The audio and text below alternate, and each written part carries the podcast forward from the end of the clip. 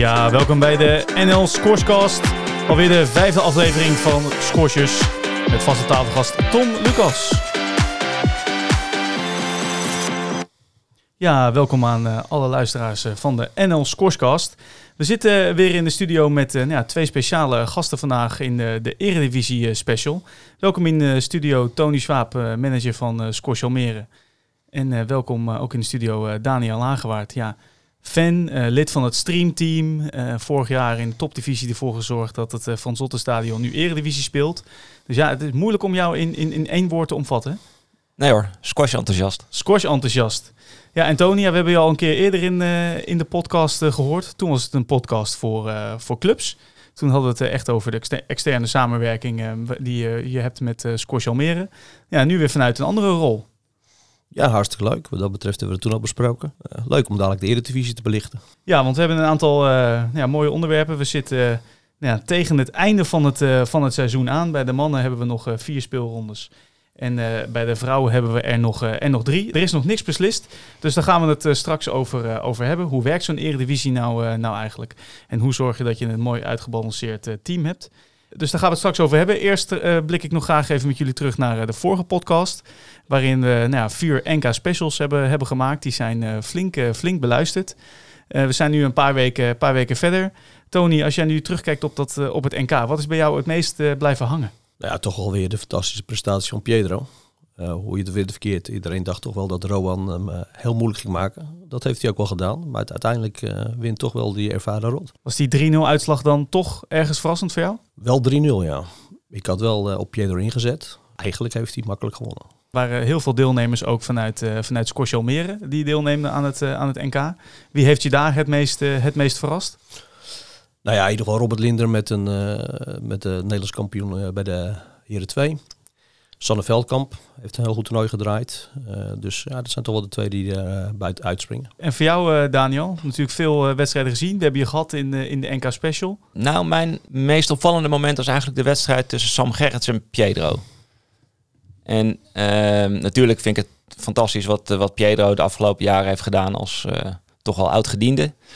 Maar die wedstrijd van Sam Gerrits, dat was zo'n leuke, leuke, verfrissende pot. En ik vind, ik, ik, daar gingen mijn ogen echt open voor een ja, een, een, nieuwe, hele goede aanwinst voor de scoresport. En hij is een beetje van de radar gebleven, omdat hij volgens mij geblesseerd was ooit. Ja. Ze konden hem in het begin niet zo goed volgen. Ja, fantastisch om naar te kijken. Ja, eigenlijk jammer dat die, eh, die wedstrijd niet in, eh, in vijf werd, eh, werd beslist natuurlijk.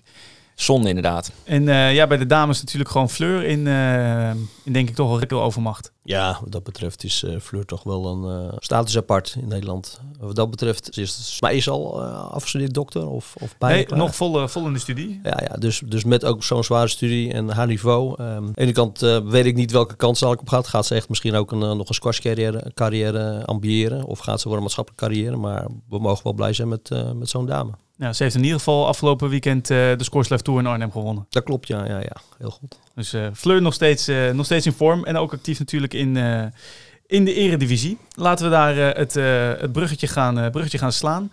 Want ja, het is denk ik een, een competitie die, ja, als je het vergelijkt met andere sporten, toch ook wel wat, wat gek is. Een competitie uit en thuis. 18, 18 hele wedstrijden. Bij de mannen dan zoveel wedstrijden, bij de vrouwen iets minder, omdat daar zes teams zijn. Um, ja, Tony, wat maakt deze competitie zo bijzonder? Wat dat betreft is de Eredivisie Squash, wat jij zegt, je noemt het gek. Laat zo stellen, het is anders. Uh, dat heeft natuurlijk wel te maken met dat vaak bij andere sporten, uh, voetbal, hockey, spelen de spelers of zijn het echt in dienst van de club, zijn vaak op de club. Dus het hele jaar lang, lang zijn ze eigenlijk aanwezig. Bij squash worden eigenlijk min of meer de spelers, wat wij zeggen, ingevlogen per wedstrijd. En dat is toch wel een aparte status. Hoe ga je met zulke spelers om? Waarom worden topspelers ingevlogen? is dat nodig? Dus in die zin, uh, Eredivisie Squash is zeker heel wat anders dan uh, de andere sporten. Aan de andere kant zijn er weinig, denk ik, Eredivisie sporten in Nederland die de top 20 van de wereld in huis hebben. Absoluut. Het is, een, uh, het is ook een hele bijzondere competitie die uh, we al menig jaren in Nederland, in Nederland hebben. Want ik, van de week zat ik, zat ik nog even op, op YouTube zat ik wat video's te kijken. En toen kwam ik een, een videosamenvatting tegen van 2004, als ik het goed begrijp. Met hele een play-off video tussen volgens mij Zwolle, waar je toen ook al Eredivisie manager was. Ja, dat klopt. op, laten we zo stellen, met Squash Zwolle ben ik met mijn maatje Rutger Kampman vijf keer landskampioen geworden. Uh, in denk ik in die periode, met name 2000, met terugwerkkracht nog altijd de sterkste competitie alle tijden. Met wereldkampioenen en acht teams die op de laatste speeldag nog de play-offs konden halen of konden degraderen. En echt, uh, we hebben het over de top 20 van de wereld. Toen speelde die ook echt in de play-offs. Dus dat was echt een, een geweldige ervaring. Ja, Daniel, uh, nu voor het eerst bij jou op de club het Van Zottenstadion Eredivisie. Maar goed, het, ik begrijp dat je de Eredivisie al wel meerdere jaren volgt. Jazeker dus, dus hoog wereldniveau in die eredivisie steeds aanwezig. Ik vind dat mensen over het algemeen ook veel te weinig scores kijken. Ik kom bijvoorbeeld altijd kijken ook op de satellite toernooitjes. zelfs daar zitten af en toe, uh, nou ja, in ieder geval de toppers van de toekomst, maar soms ook een topper van nu die daar meespeelt. Ja, ik ben vaak toch de enige toeschouwer, samen met Priscilla dat wel. Hij zit stiekem te scouten daar zo. Ja, maar jij bent me altijd wel voor. maar dus uh, ja, ik, ik volg de eredivisie wel. En ik vind, het, uh, ik vind dat we onszelf in ons handjes mogen knijpen dat, uh, dat er zo'n hoog niveau in ons land aanwezig is. Want als je heel eerlijk bent, als je gaat kijken naar de Nederlandse mannen, er zijn er 10 tot 15 die dat niveau echt aankunnen. En bij de, bij de dames is het nog minder. Het zullen er 8 tot 10 zijn misschien. Dus we zijn niet echt een, een groot scoresland wat dat betreft. Maar we hebben wel, denk ik, de, de beste titie ter wereld. Wat je zegt, top, de, top 15 mannen en top, top 10 vrouwen. Dan heb je het over het Nederlands, het Nederlands niveau. Hè? Ja, want zo'n Nederlander is uh, heel belangrijk. Of kan heel belangrijk zijn in, uh, in je team. Uh, want je kan ook niet zomaar uh, elke opstelling in de Eredivisie uh, opstellen. het lijkt me ook goed om daar een beetje een inkijkje in te gaan, te gaan hebben. Want waar nou, afgelopen vorige week waar Marwan El Jabaghi staat te spelen, top 6 van de wereld. En op nummer 3 staat Rich King te spelen. En die staat, geloof ik, top 40 van, top 40 van Nederland. Daar zit een hele balans tussen. Nou, Tony, jij stelt zo'n team al jaren samen. We hoorden net al terug tot 2004 en misschien wel eerder. Hoe stel je zo'n team dan samen en waar kijk je dan naar? Ja, wat dus eigenlijk van belang is dat er een aantal regels zijn. Je mag geloof ik 14 spelers opstellen. Dan kun je natuurlijk stellen van hey, waarom stel je gewoon niet de beste spelers op? Top 10 spelers, uh, een stuk of 5, 6, dat zie je altijd goed. Uh, een heel belangrijke factor is namelijk geld. Dat speelt in elke sport, maar uh, zeker ook in onze sport. dat betekent hoe hoger je op de wereldranglijst staat, hoe duurder een speler is. Als je allemaal een onbeperkt budget hebt, dan is het makkelijk. Dan stelt iedereen elke week zijn sterke spelers op. Maar dat is niet het geval. Dus je moet uh, uh, je budget regeert. En dan ga je kijken welke spelers kan ik inzetten, welke spelers kan ik veroorloven. Dus je zoekt eigenlijk altijd wel een aantal top 20 spelers, als je die kunt veroorloven. Vervolgens de middengroep, spelers die in de top 50 tot en met 150 zitten. En je hebt een goede Nederlander nodig, liefst meer Nederlanders, want je hebt ook je backup nodig. Dus die samenstelling van het team uh, zorgt ervoor hoe je de, de competitie in kan gaan. En wanneer je ze op de juiste momenten tegen de juiste tegenstander kunt inzetten. Want niet alle spelers zijn ook altijd beschikbaar. Ja, want je zei het al, je mag maximaal 14, team, of 14 spelers op, uh, op de lijst zetten. Nou, een, een Eredivisie-wedstrijd is altijd uh, drie spelers. Dus een, uh, je moet van die 14 moet je er drie, drie opstellen. Waarvan één Nederlander die verplicht is. Waarvan verplicht een Nederlander. en daarbij goed denk ik uit te leggen is het, het puntensysteem. Er zijn zoveel regels, Daniel, maar ja, daar, daar zul je inmiddels nu wel een beetje achter zijn gekomen. Nou, zeker. Wat, wat ik, ik, test de regels ook graag. Het werkt namelijk uh, zo. Iedere wedstrijd moet je een minimum aantal uh, puntenwaardering en een maximum aantal puntenwaardering opstellen. En iedere, spelers, iedere speler, je noemde het al Tony, top 20, 20 tot met, met, met 150, vertegenwoordigt een aantal punten. Dus om een voorbeeld te geven, ik ben, stond aan het begin van het seizoen top 15 van Nederland. Ik ben 30 punten waard. en iedere opstelling moet je minimaal 60 punten en mag je niet over die 180 punten heen gaan. Dus jij geeft net aan, Tony, het gaat om natuurlijk ook wel geld en beschikbare middelen. Uh, maar met zo'n systeem waar je nou ja, eigenlijk niet de nummer 1, 2 en 3 van de wereld op kan stellen, Um, om, uh, om, om kampioen uh, te worden. Omdat je dan veel te veel punten hebt. Maakt het misschien ook wel toegankelijk dat het heel competitief is voor meerdere teams. Ja, dat klopt zeker. Je moet gewoon wat dat betreft goed kijken naar de beschikbaarheid van de spelers. Natuurlijk ga je daarna kijken van wat voor soort speler is het. Is het echt een league speler zoals wij dat noemen. Want die inzet toont en uh, met alle respect niet even wat centjes komt ophalen. Hoort hij bij de club. Dus je probeert wel Ondanks dat het eigenlijk individuele spelers zijn die voor uh, soms een wedstrijd worden ingevlogen, om het nog steeds zo te noemen. eh, hoop je wel dat ze op een gegeven moment een binder gaan krijgen met de club. Ja, dat is wel belangrijk voor je toeschouwers. Eh, op het moment dat ze alleen maar komen, dan, eh, dan, dan krijg je nooit eigenlijk verbindenis. Dan moet je ook geen eredivisie spelen. Dus ehm, ja, het is wel van belang, ja, heel belangrijk, welke speler ga je halen? En, en op het moment dat je een topspeler hebt, dan moet je ervan bewust zijn dat diegene 10, 12 grote toernooien speelt. En dan gaat hij zeker geen uh, league spelen. Ja, het is wel echt een, een, een afweging steeds. Wat voor uh, spelers ga ik halen? Ja, want Daniel, voor jou als, als toeschouwer. Iedere opstelling heeft dus altijd een balans van een topspeler, een Nederlandse speler en misschien wel uit dat middensegment of twee, uh, twee spelers. Uh, met spelers waar wel of nog geen clubbinding mee is. Want ja, als je net begint in de eredivisie en je hebt al die topspelers, dan moet die hele clubbinding en herkenning van die topspeler nog, uh, nog beginnen. Als jij nu naar zo'n eredivisiewedstrijd gaat, voor welke wedstrijd kom je dan het liefst? Is dat dan echt voor die topwedstrijd? Of misschien wel gewoon die local hero, die Nederlander die daar staat te strijden en die je wekelijks op de club ziet? Ik kom in principe voor alle drie de wedstrijden. En ik vind ook, en dat legt Tony eigenlijk net hartstikke goed uit. Er zit een heel tactisch spel in die opstelling. Het gaat om een gemiddelde van drie wedstrijden. En daar zit een heel steekspelletje achter. En dat vind ik fantastisch. Als je gaat kijken naar bijvoorbeeld een Paul Kool, die is 100 punten waard. Als je daaronder een Bart Ravelli van 30 punten en een Jalmar Mols van 10 punten zet, heb je 140 punten uh, op het veld staan. Als Rotterdam daar met uh, Sonnicky en Sveertman en Hapers drie keer 40 punten tegenover zet, dat zou een spannende wedstrijd kunnen worden. Maar in principe wint Rotterdam op 2 en 3 omdat ze daar hoger ge, om, hogere punten hebben en verliezen ze op nummer 1. En dan heb je dus als meerscoach met een nummer 1, een Paul Kool, heb je heel veel geld uitgegeven om die te laten spelen. Maar verlies je op 2 en 3. Dus heb je eigenlijk je drie overwinningspunten heb je gemist. Terwijl je heel veel geld hebt uitgegeven. Dat vind ik een prachtig spel qua squash misschien toch de nummer één pot. Maar qua publieke beleving. Uh, bij ons hebben we een keertje gehad. Uh, Stan Al thuis tegen Bart Ravelli. Nou, die, die won Bart tenauwernood met 3-2. Maar ja, het hele publiek gaat achter Stan staan. En dat brengt wel sfeer mee. En dat, en dat voel je. En dat, dat maakt dat een avond gewoon fantastisch is. In plaats van gewoon leuk. Het is wel zo natuurlijk. Daniel vindt dat een, een, een mooi spel. Ik vind het ook zeker een mooi spel. Ik speel het al jaren. Maar er wordt wel vreemd tegenaan gekeken. En, en dat heeft wel te maken van uh, waarom speelt hij niet? Waarom uh, zet je die niet in? Nogmaals, geld is een factor. Maar op een gegeven moment ga je natuurlijk ook het spel spelen. Om te kijken van hé, hey, wij spelen bij wijze van spreken tegen Frans Otte. Uh, hun twee belangrijkste spelers hebben een World Tour toernooi op het programma staan. Dus die kunnen niet opgesteld worden. Dus daar kan je ook op anticiperen. En dan ga je kijken wat je zelf in huis hebt. En ga je eigenlijk schakelen. Maar uiteindelijk moet het wel op de baan gebeuren. Dus als je drie spelers opstelt, dan wil je in ieder geval twee potjes winnen. En dan ga je met de winsten vandoor. Het is, uh, het is inderdaad een, een beetje een strategisch uh, schaakspel. Om het zo te noemen, technische uitleg. Want uh, verklaart dat jij vorige, vorige week met waarschijnlijk het jongste team ooit... Nee, niet waarschijnlijk, het jongste team ooit. vorige week afreisde naar, naar Victoria. En daar eigenlijk een 12-0 nederlaag incasseert. Ja, ja. En de week daarvoor tegen, tegen City zet je wel Mason Gamal erbij. Om ervoor te zorgen dat je die punten in ieder geval in huis haalt. Nou, dat klopt inderdaad. En daar heb, krijg je soms ook wel opmerkingen over. Van, hé, hey, waarom speel je nou opeens met, met die jonge jongens? Uh, heel, heel kort door de bocht. Hoe we ook zouden schakelen, we zouden overklast worden door een Victoria.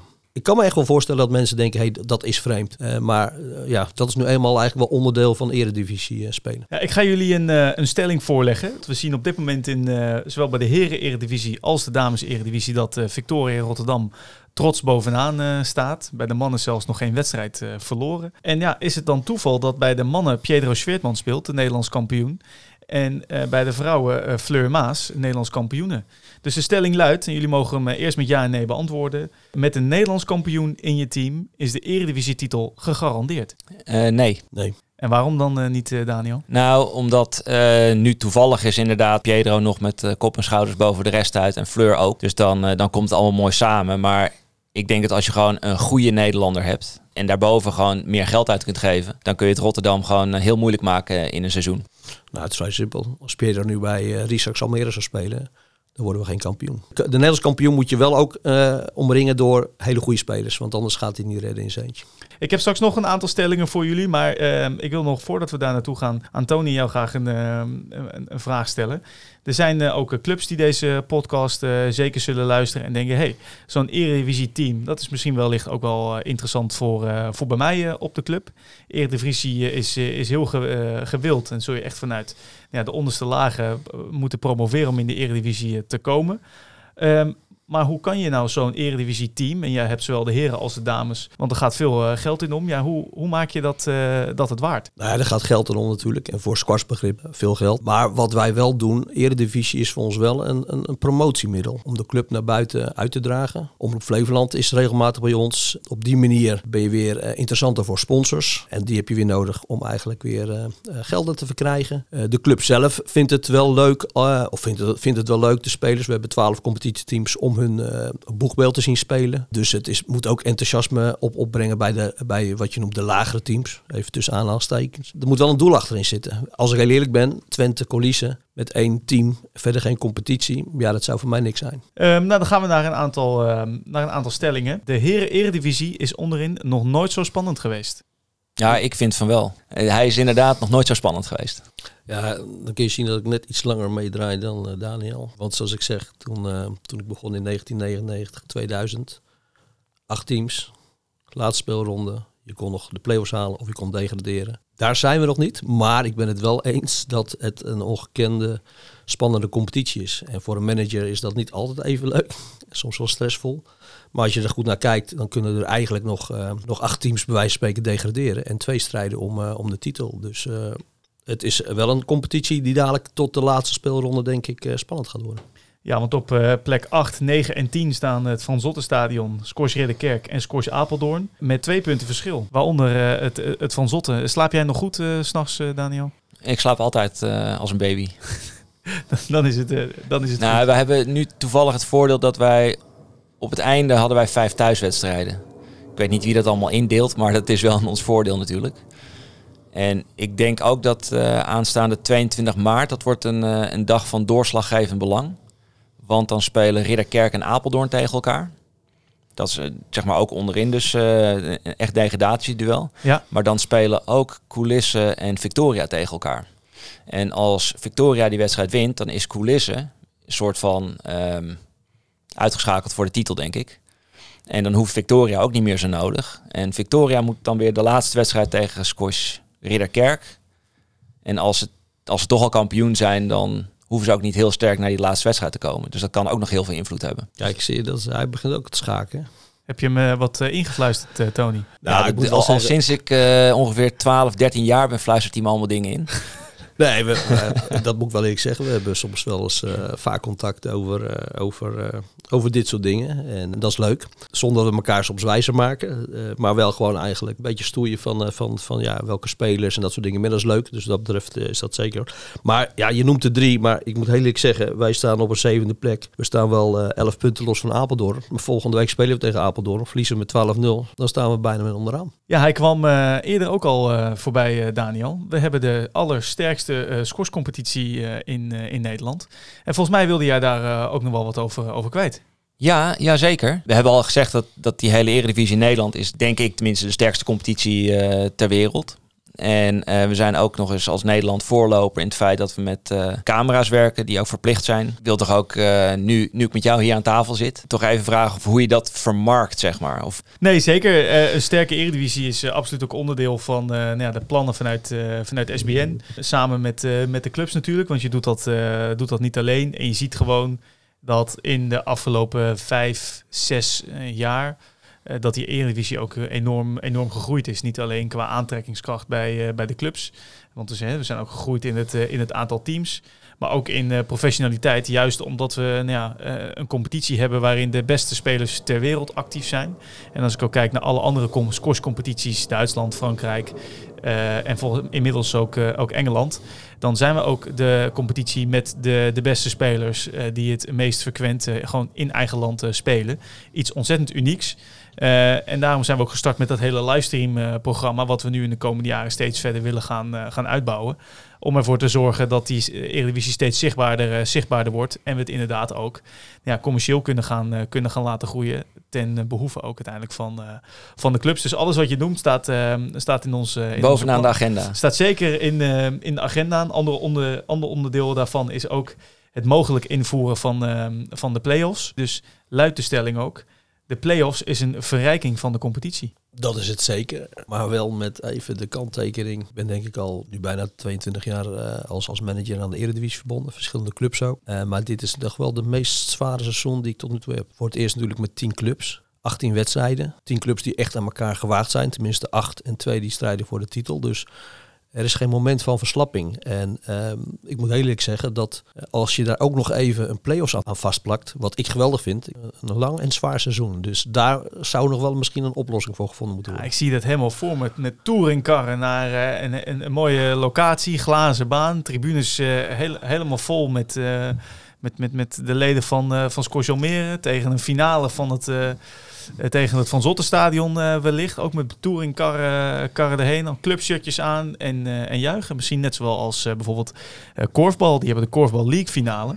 En die wordt gespeeld in Ziggo Dome. Nou ja, ik, ik hou van je vergezichten. Ik, ik deel ze. Ik denk dat dat allemaal best wel mogelijk is. En trouwens voor iedereen die zit te luisteren. Abonneer je even op het YouTube kanaal van Squashbond TV. Want als daar volgens mij meer dan duizend leden zijn. Dan, dan krijg je al wat meer aandacht en meer mogelijkheden om geld te verdienen nog even aanhakend op, op Daniel, want daar heeft hij wel een punt. We hebben de sterkste eredivisie, misschien ook wel de beste competitie. Echt een competitie met tien clubs. Dat zie je bijna uh, bij de andere uh, Europese landen niet. En uh, bij ons kun je dus echt op woensdagavond uit vijf thuiswedstrijden kiezen om de eredivisie te volgen. Of je gaat schakelen. Mijn Belgische speler, Louis Delbecq, die zag dat laatst en die denkt, jeetje, dat is geweldig. Bij ons zit er niet eens één wedstrijd die wordt uitgezonden via livestream en livescore. Dus in die zin hebben we inderdaad wel wat, misschien wat mogelijkheden om, om de eredivisie wat te vermarkten. We zijn de enige scorescompetitie die volledig gelivestreamd wordt. Ja, ja, dat klopt. Maar ik, nog wel eventjes, om dan even misschien af te sluiten. Uh, de manier waarop Frans Otte de live registratie doet. Met ook nog, en daar zijn zij natuurlijk de enige in, live commentaar op een, uh, vind ik, echt hele professionele manier. Dat is nog wel wat wij ook zouden ambiëren. Dus in die zin, als we die kant op kunnen gaan, dan denk ik dat we heel interessant zijn voor de squashliefhebber die dat wil volgen. Een uh, afsluiting, een uh, glazen bolvoorspelling. En ik ga bij jou beginnen, Tony. ik wil graag voor jou kampioenen, zowel bij de mannen als bij de vrouwen weten. Ja, en wie jij verwacht dat helaas de Eredivisie zal moeten verlaten aan het eind van het seizoen bij de heren? nou, het is vrij simpel. Victoria Rotterdam die gaat in, zowel bij de dames als bij de heren gaan ze kampioen worden. Dat, uh, dat durf ik best wel uh, wat centjes op te zetten. Maar wie er gaat degraderen bij de heren, uh, ik ga dan toch misschien voor, voor Ridderkerk. En voor jou, Daniel? Ja, bij de Victoria. En wie gaat er dan uit? Vind ik een hele, hele spannende, moeilijke. Ja, ik, gewoon, ik, wil gewoon één, één club van je horen, Daniel. Squash City. Oh. Nou ja, dat zou, uh, het zou zomaar kunnen. We hebben nog wat punten, punten te staan, maar ja, je, je weet het nooit. Ik uh, ga jullie beiden danken voor jullie komst hier naar, naar de studio, mannen. En we gaan het, uh, nou misschien leuk om aan het einde van het seizoen jullie of nog eens in te bellen of nog een keer langs te laten komen om te kijken of die glazen bolvoorspelling is, is uitgekomen. En wellicht hoe jullie naar het volgende seizoen kijken. Maar ik denk dat we de luisteraars in ieder geval nu een heel mooi kijkje hebben gegeven van van de Eredivisie. En ja, en uh, ben je enthousiast geworden en wil je weten hoe het uh, er nou echt uh, live aan toe gaat? Via www.scorseredivisie.nl kun je alle voorbeschouwingen altijd vinden. Kun je een livestream kun je kijken. Maar uiteindelijk is live kijken toch gewoon het leukste, toch? Ja, zeker weten. Ja, zeker. En dan dank ik ook weer alle luisteraars en Daniel en Tony. En hopelijk tot de volgende keer.